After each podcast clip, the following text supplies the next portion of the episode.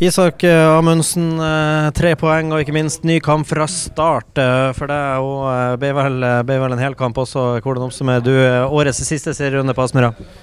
Nei, altså jeg syns det var en artig kamp. Det er to lag som er offensive, og jeg tror publikum får en ja, artig kamp å se på.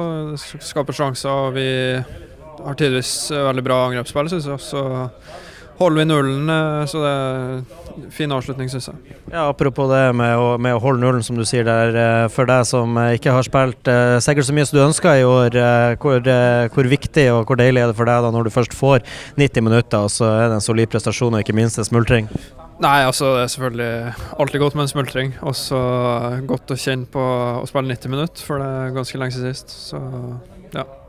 Snakka med Kjetil her i stad, og han mente jo på at eh, spesielt dere tre i Adam og deg og Tobias som ikke har spilt uh, så mye som dere ønska i år, eh, leverte såpass bra at dere, dere banka på dørene til å spille både cupfinale og ikke minst gruppefinale i Europa. Det, det, må vel høres bra ut, det òg? Ja, ja, altså det er mye å se fram til, selv om det bare er to kamper igjen. Så, men det er to artige kamper å se fram til.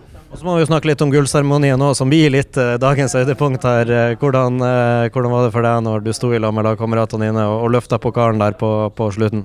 Nei, altså Kjempeopplevelse. Så å få sin andre gull, gullmedalje, det er veldig stort. Det gir mersmak for flere? Ja, helt klart. Det gjør det. Og så cupfinale om ei uke, som sagt. Hvor, hvor motivert er dere der nå til å komme og ta the double? Nei, altså, Jeg tror bare vi alle egentlig bare vil få, få i gang den kampen så fort som mulig. Så vi ser fram til det. Takk Isak, og gratulerer. Ja, takk.